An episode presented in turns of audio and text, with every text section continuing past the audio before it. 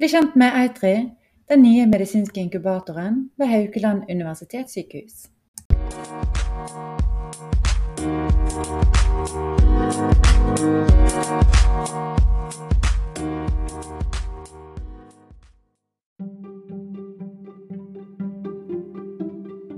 Velkommen til innovasjonsprat. Jeg heter Synnøve Olseth, er kaospilot og innovatør, og dette er Helse Vest IKT sin podkast om innovasjon i Helse Vest for fagfolk og folk flest. I denne episoden skal vi bli bedre kjent med Torleif Lunde, som er leder for Eitri, den medisinske inkubatoren ved Haukeland universitetssykehus. Hva er hans bakgrunn og visjon for innovasjon? Velkommen til deg, Torleif. Tusen takk for det, Synnøve. Veldig kjekt å få lov til å være med, være med på dette i dag. Eh, og veldig kjekt å få lov til å være med og, og bygge opp inkubatoren som nevnte, som, eh, som heter Eitri. Mm. Ja, vi er veldig spent på å få vite mer om den i, i denne episoden. Og det vi, eh, vi vil jo være, lære litt om deg òg. Så vi tenker vi kan begynne litt om at du sier hvem du er, og litt om din bakgrunn. Og Hvorfor havnet du egentlig der du er i dag? Ja, det er jo et, eh, er jo et veldig, veldig godt uh, spørsmål. Um, og det som du kan, kan, kan du fortelle litt, litt om historie, historien min. Um, jeg har vært i student- og arbeidslivet i, uh, i ca. 22 år. og er 41, 41 år gammel. Eh, og der som jeg begynte for, eh, for, eh, i mitt voksne liv for, for 20 år siden, så uh, visste jeg ikke helt hva, hva jeg ville gjøre. Og hadde i hvert fall ikke lyst til å holde på med medisin. Det var mange medisiner i, i familien, og det skulle jeg i hvert fall ikke, hvert fall ikke holde på med. Så det endte med at jeg begynte å studere fisk for, for, lenge siden. Mm. Mm. Og gjennom den jobben så, så, fikk jeg lov til å jobbe med en som heter Wilhelm Bjerknes. Det er barnebarnet til han som fant opp den moderne værvarslingen. Og han jobbet med laks. Og vi jobbet sammen en sen kveld. Eh, og jeg hadde tenkt å jobbe med laks. Jeg syntes det var spennende. Det var en spennende industri. Det var, det var eh, si, en, en, næring i vekst og, og, noe som Vestlandet var virkelig gode på. Og da bryter han ut, han Wilhelm Bjerknes du må aldri i livet finne på å jobbe med laks. Det er dritkjedelig. uh, og da, da, måtte jeg jo høre på dette. Dette var jo uh, barnebarnet til en av uh, si, de virkelig store sønnene til, til, Norge. Altså det er på, på linje med Nansen og, og, og disse store, store oppdragene på den, den, tiden her. Så man kan jo ikke la være å høre på det. Så måtte jeg ta en U-sving og, og, tenkte det at jeg kunne holde på med litt med, med utviklingsstudier og, og den type ting. Eh, og da vridde jeg den retningen og kom i kontakt med noen som holdt på eh, rundt Nilen. Eh, Forskere kom inn på et prosjekt der, på universitetet fortsatt, der det var forskere fra de ti landene som er rundt Nilen, som holdt på å begynte da å sysle litt med hva skjer med klimaendringer. Hva skjer med Nilen når klimaendringene kommer? Hvordan skal vi fordele vannet da? Og Eh, store, store, og viktige spørsmål. Og dette var jo fortsatt for, fortsatt det for eh, en 17 eh, år siden, da det var mange klimafornektere. Mm. Og det brakte vi videre til, til Bjerknessenteret, som da holdt på med klimaforskning. Der jeg fikk lov til å jobbe med vær- og klimamodeller. Samtidig som jeg også touchet inn på Eh, på malaria, av alle ting.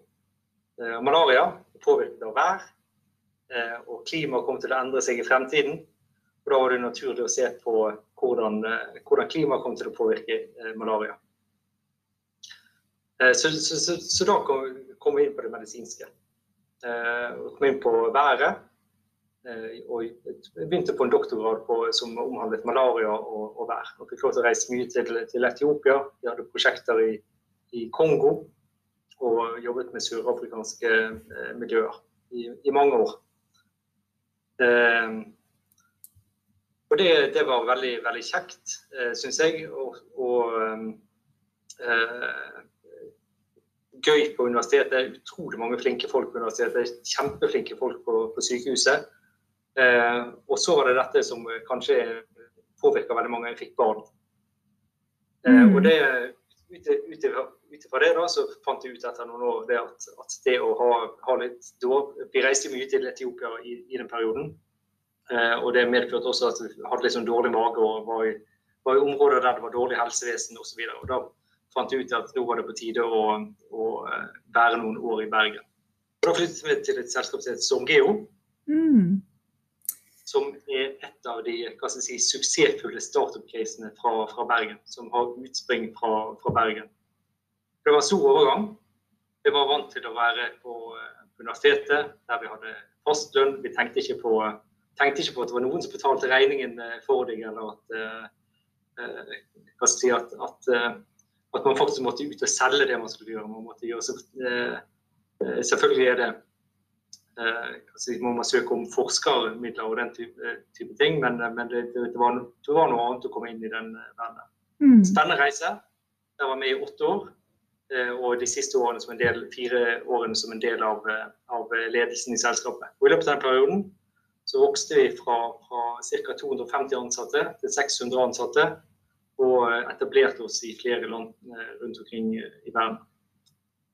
Så da har jeg vært innom eh, veldig mye på, på den reisen. Jeg har vært gjennom, innom eh, medisinske, jeg har vært innom klimaendringer. Jeg har vært innom det kommersielle, skalere mm. selskaper. Og opparbeidet en god del erfaring.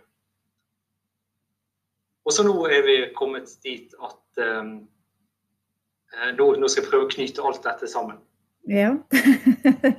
Hvis du klarer å knytte det sammen litt uh, kort? Mm. Det skal jeg gjøre.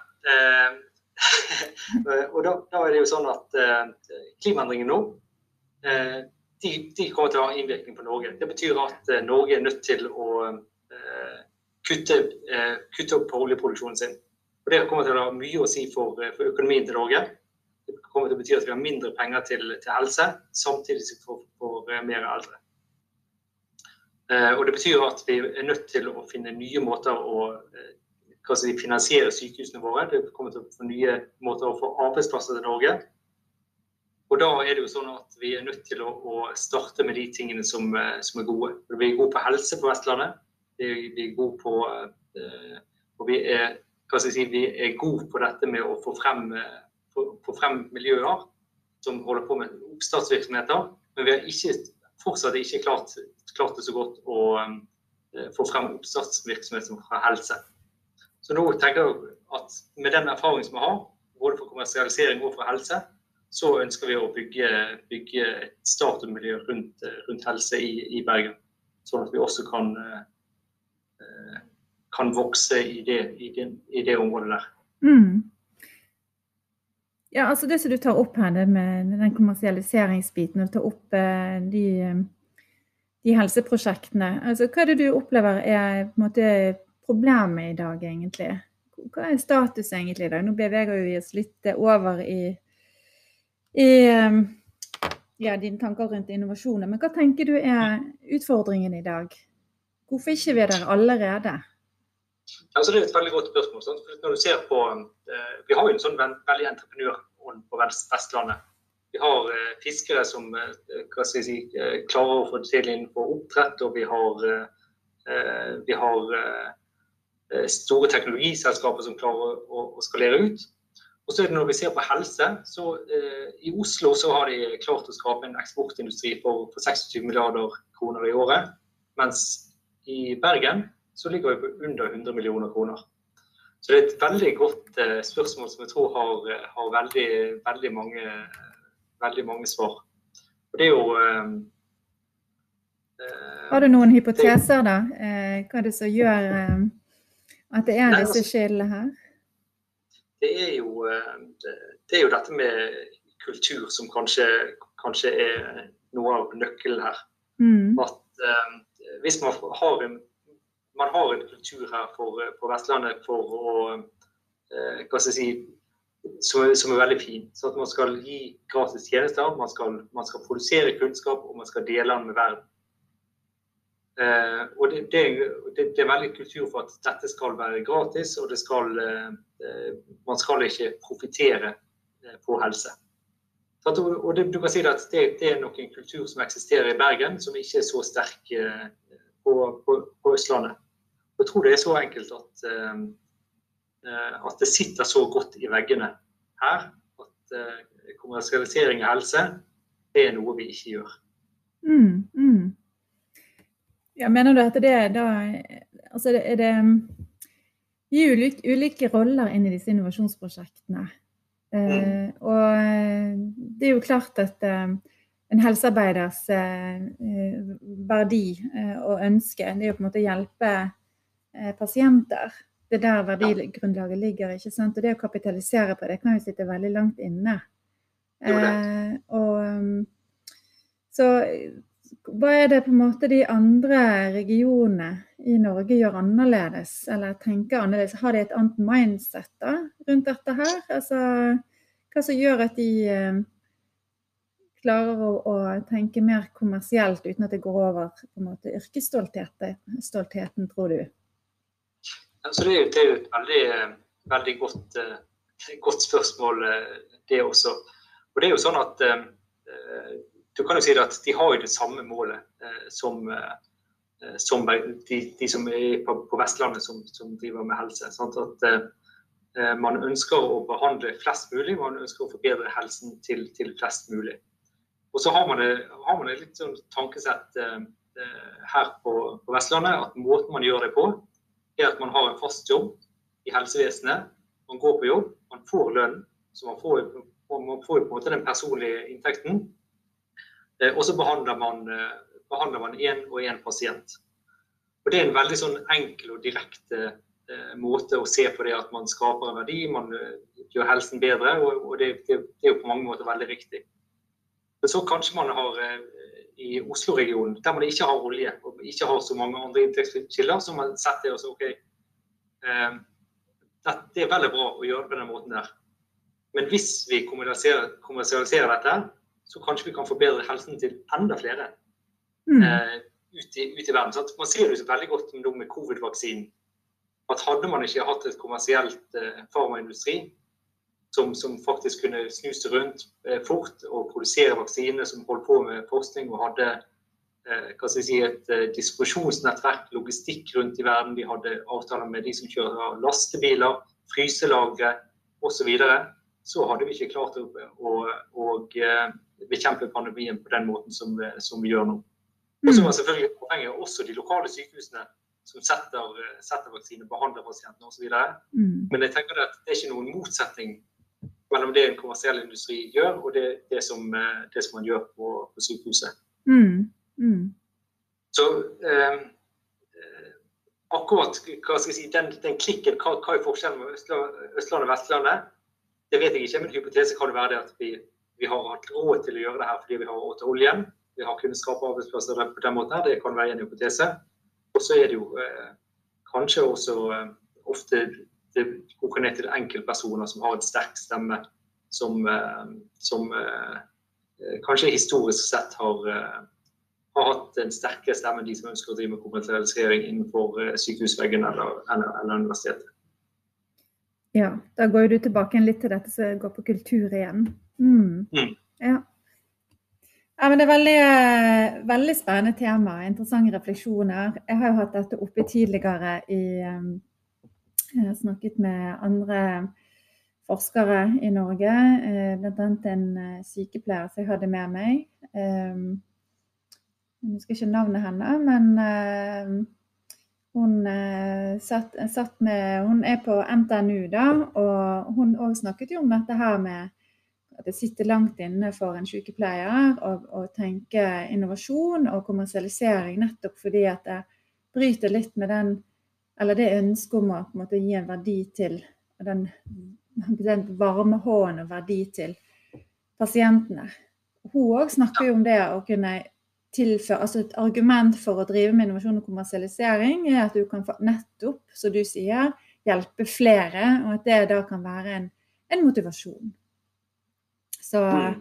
så, det er jo veldig bra. Så har jo jeg studert eh, litt dette her med hva som er forskjellene i de ulike regionene sjøl gjennom det masterstudiet som jeg tar. Og der, eh, der ser jeg at òg i forhold til hvem som er best på å hente inn innovasjon og forskningsmidler, så er jo ikke Vestlandet eh, ikke andre beste heller, etter eh, Eh, Sørlandet eller eh, Helse Sør-Øst, men eh, Helse Midt-Norge kom jo på andreplass der òg. Og det kan jo diskutere om det er en kobling til universitetene der igjen òg. Ikke sant? Sintef og NTNU og mm, at de er mer kommersielt anlagt enn en kanskje man er her på Vestlandet. Men, det er klart. Det er veldig interessant det du sier. For det er, jo, det er jo kanskje, Når du ser på Universitetet i Bergen og Haukeland at de er jo på toppen og kanskje bedre enn Oslo og, eh, og, Trondheim når du ser på forskningen, altså kunnskapen og verdien som blir skapt her gjennom forskning. Men at det er denne lille knekken over mot innovasjon og kommersialisering, at der er det, der er det noen forskjeller ja. eh, mellom, mellom regionene. Der vi ikke er så gode. Ja, ja. ja jeg syns det eh, blir spennende å følge den eh, historien videre. For vi har vel ikke noe valg. Eh, her må jo det skje noe etter hvert. Og nå har vi fått en innføring i og bakgrunnen til dette du er der du er i dag, Torleif. Eh, vi er jo veldig heldige da, som har fått deg inn som leder av Veitri. Som sitter på den bakgrunnen og kompetansen du har. Eh, men kan du si litt om Eitri, da? Det er jo mange ja. av de som lytter kanskje nå, som ikke har anelse om hva er dette her, hvem eier det, hvor ligger det? Er det noe fysisk? What's in it for me? ja, jo. Eh, altså, eh, Eitri det er et, eh, et, fysisk eh, bygg som ligger rett ved siden av eh, Ulriksbanen sin eh, nedestasjon. Og også vegg i vegg med labbygget på, på Haugland og BB-bygget. Så Det ligger sånn, si, midt i smørøyet i forhold til der som helseinnovasjon skjer i dag. og vil skje i, i fremtiden. Det er et uh, fysisk bygg på 2400 kvadratmeter. Med veldig, uh, vi sitter, akkurat nå eh, når vi sitter og snakker nå, så driver de og holder på med siste flikkingen. Det står en mann og maler veggen rett, rett ved siden av. Uh, og, og, og, da er det altså lagt opp til at det er 100 kontorplasser her, der man kan komme og jobbe noen dager i uken eller, eller fulltid. Eh, og det er også 16 eh, labplasser. Eh, og det er tre primærkulturlaber, for de, som, for de som vet hva det er for noe. Og tanken her er at i dette huset her, så ønsker vi å samle alle som driver på med helseinnovasjon, og spesielt de som, de som har en interesse av å kommersialisere dette og bringe innovasjoner ut i verden. Så bringer det ut av sykehuset, bringer det til andre sykehus i Norge, bringer det til sykehus i Sverige og kanskje til folk i, eh, i, eh, i eh, Nord-Afrika eller i Asia eller, eller, i USA. Som ønsker å hjelpe flest mulig, og samtidig som det bringer inntekter til, tilbake til regionen. Så da har vi satt av, av de 100 plassene da, så eh, har vi satt av 20 av de til, til, oppstartsbedrifter som kommer fra sykehus eller fra andre steder. Og 40 plasser til litt mer sånn etablert industri. Da tenker vi at vi eh, når et selskap skal skalere, så trenger man kompetanse inn mot regnskap. Man trenger, eh, kunne, kanskje man trenger hjelp av noen som kan IT. Kanskje man trenger hjelp til noen som har skalert ut i, eh, i verden før gjennom å ha erfaring med patentering i USA og godkjenninger for eh, medisinske utstyr osv. Den type folk eh, tenker vi å trekke inn. Og så er det jo investorer eh, vil være en del av, av miljøet. Og så er det folk fra sykehuset og, og universitetet. Som enten holder på med tidlig kommersialisering i tidlig fase, eller har et ønske om å starte, kanskje starte med en innovasjon på sykehuset, som de tenker at kanskje seinere og kanskje med de rette partnerne kan bli til, en, eh, til et produkt eh, som blir tatt i bruk utenfor sykehuset også. Mm. Ja, eh, så det er over da 100 kontorplasser, så er det riktig. Ja. Og, og, og, så er det mulighet for tilgang til kompetanse her òg. Så ikke det bare kontorplasser, eh, men det er òg kompetanse man kan få tilgang til. Og det som du sier med regnskap og med tilgang til investorer, investormiljøer. Og eh, så har du òg prototyping, utvikling, hvis de skal lage apper. og Ja. er det, ja, mm, det, det er jo noe som vi ser i Helse Vest. At uh, det er noe som veldig mange eh, både forskere og innovatører uh, ofte mangler i tidlig fase, eller er usikre på hvor de skal henvende seg for å få den type hjelp. Da.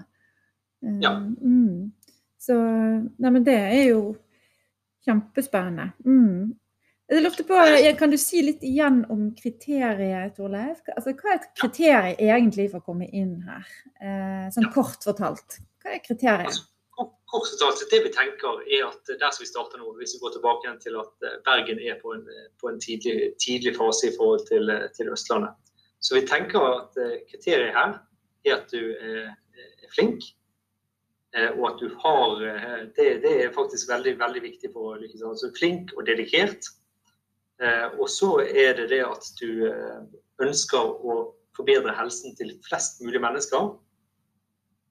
Eh, og at du har en tanke om at, eh, om at eh, det som du utvikler, eh, kan kommersialiseres. Og Da er det jo ofte sånn at eh, hvis dette er noe som hjelper mange mennesker, så er det også velegnet for, eh, for kommersialisering. Og Vi er åpne for både oppstartsselskaper, men også folk fra sykehuset som, eh, som eh, kanskje ikke er helt klar til å klar til å ta steg og starte et selskap, men som har lyst til å være med en del av et miljø der og se, se hvordan, hvordan de andre oppstartsselskapene lykkes. Mm. Eh, hva, hva, er det, hva er det jeg trenger å Hvilken kompetanse trenger jeg før jeg starter selskapet? Sant? Så Ofte er det jo kanskje det at Mm. du kommer inn som en gründer, og så har du en idé. Men Mm. du, du vet ikke hvordan du skal, eh, hvordan du skal gjennomføre dette. Du vet ikke hvordan du skal sette opp et selskap. At du, at du på en måte begynner der. Og, og da kan det jo godt være at man bare kommer inn og tar en kopp kaffe. Og så kanskje man eh, tenker det at her kan vi sitte, sitte i tre måneder og så utvikle ideen din. Eh, og så blir det kanskje et selskap eh, etter hvert. For det å ta steget ut og starte et selskap, det krever eh, noe litt annet enn det å løse et problem. Det sier i hvert fall litteraturen.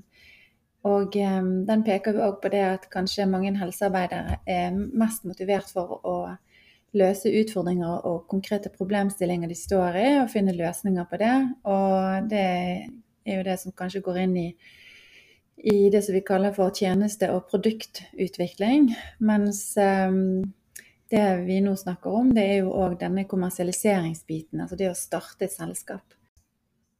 Ja, og forstår jeg det riktig da, eh, Torleif, så er Eitri til for både de som har starta et selskap, men òg for de som er litt ny, er helt i oppstarten og gjerne trenger litt hjelp til å komme i gang.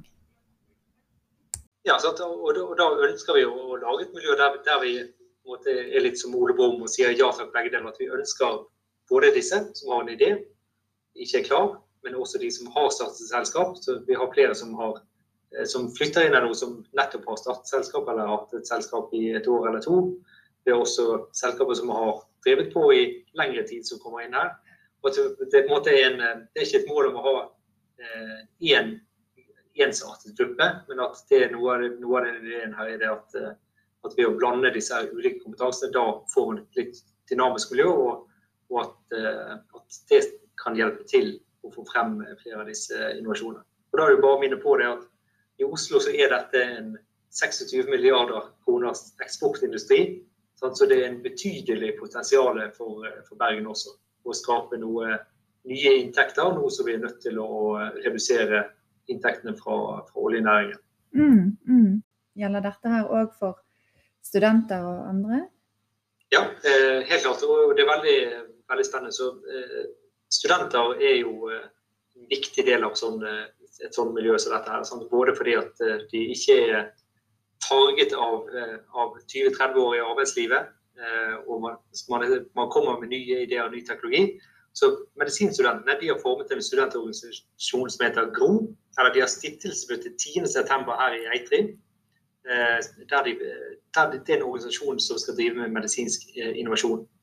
Eh, og I tillegg så er det et miljø på Matnat som heter Curie, en studentorganisasjon, som også skal ha et, hva skal jeg si, et oppstartsmøte nå i høst i, i september her, her i Eitri. Så det er helt klart at studenter er en viktig del av, av den type miljøer her. Og det er nok og tenker Spesielt i den situasjonen man er når man er nettopp ferdig å studere, ikke har store forpliktelser økonomisk og ikke har barn, at det er også en, en riktig fase for mange å starte, starte selskap eller prøve seg i et av oppstartsselskapene som kanskje etableres her.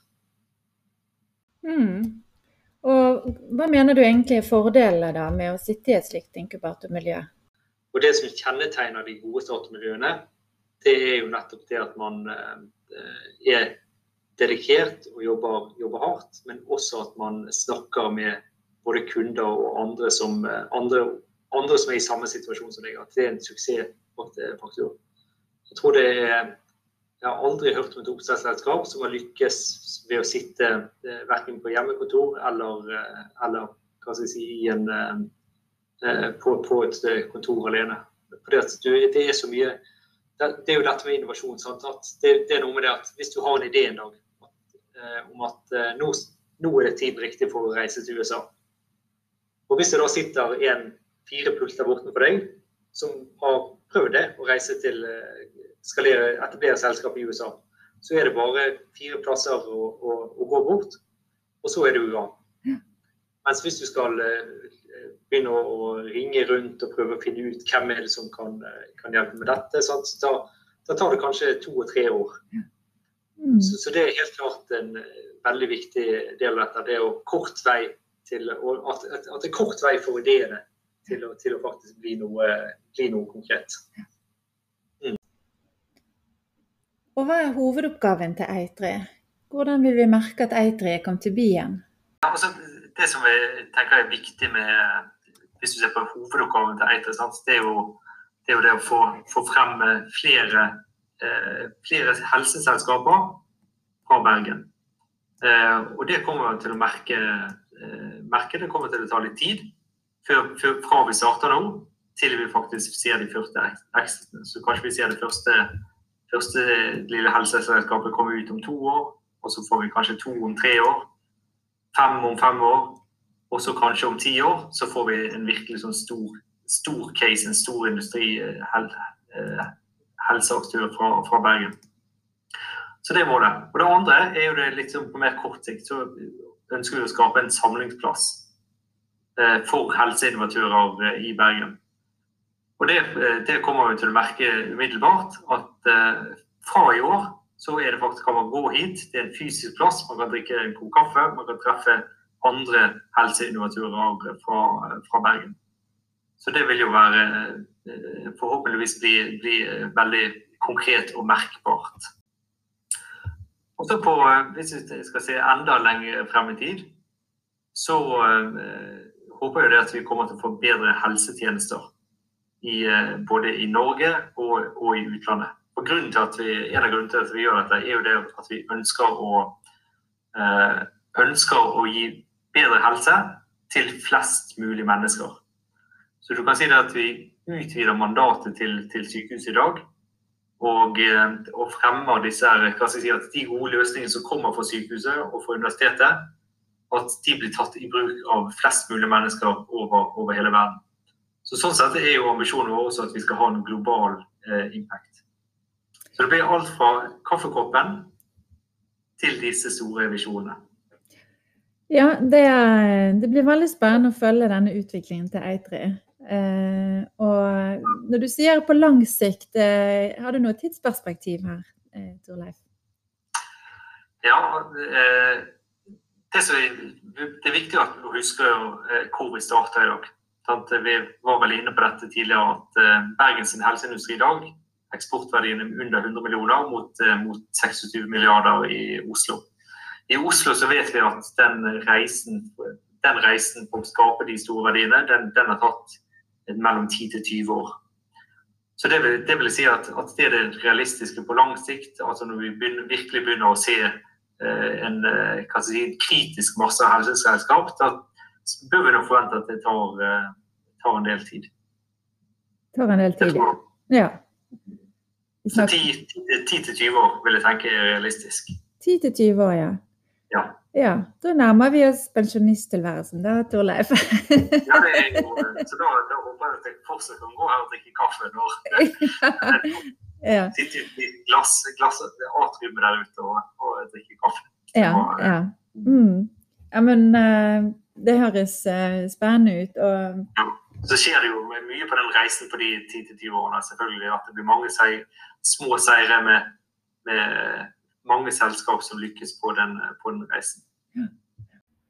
Eitri handler egentlig om veldig mye her, forstår jeg. Det er alt fra en kaffekopp til uh, å utvikle produkter og tjenester som kan få en global impact. Så det liker vi.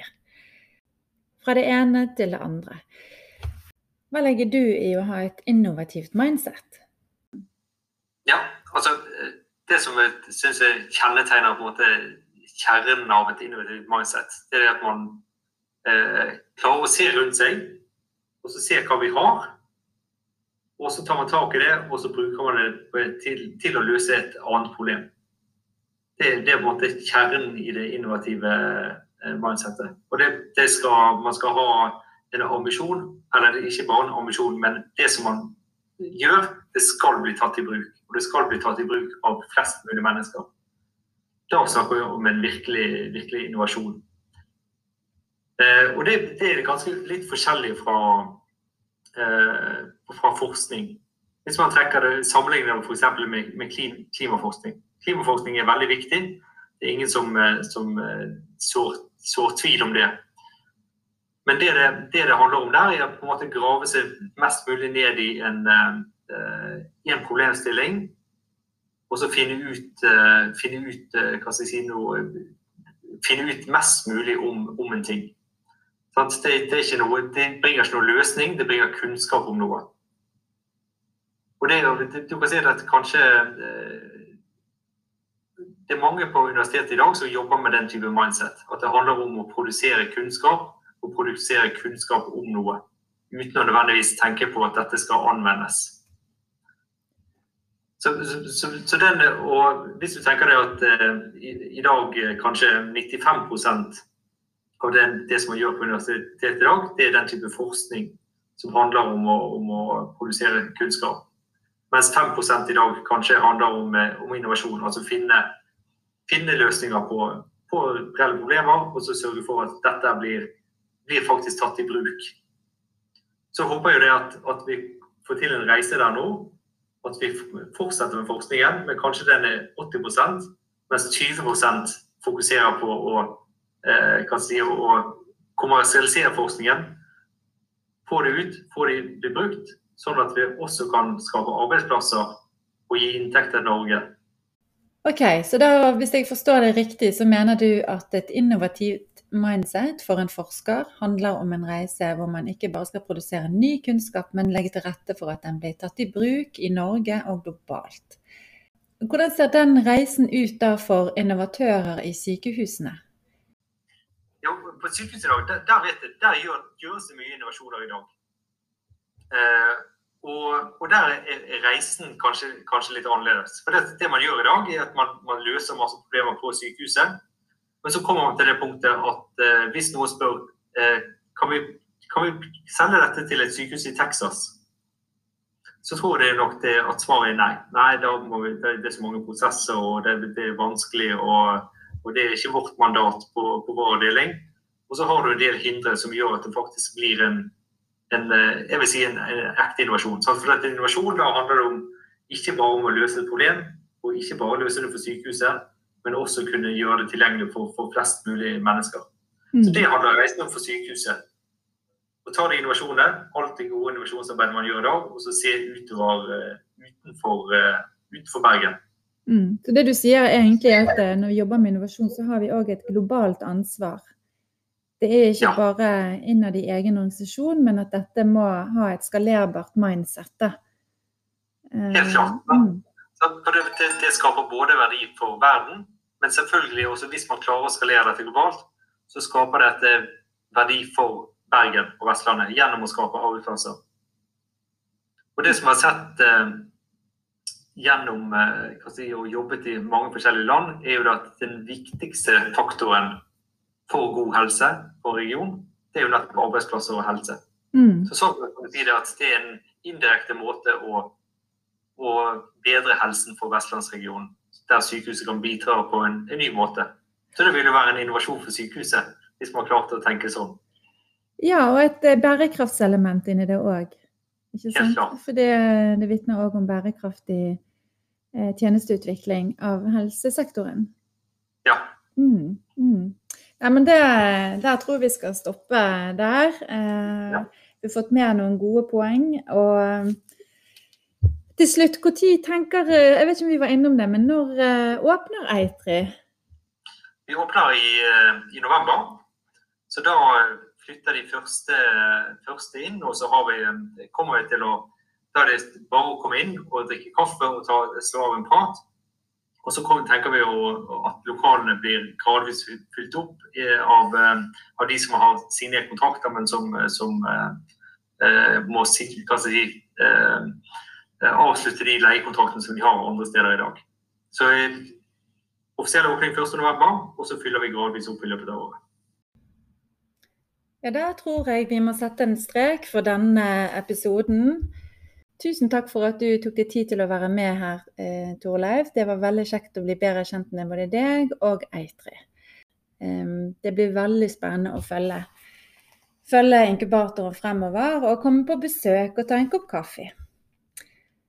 Du må gjerne, skal få lov å avslutte med noen få ord hvis du har lyst til det. Jeg må jo eh, si tusen takk til, til deg, Synnøve, for at du eh, driver innovasjon frem på si, mange plan på, eh, innenfor helsevesenet i, i, i Bergen i dag. Så takk for det. Det var tredje episode om innovasjon i Helse Vest.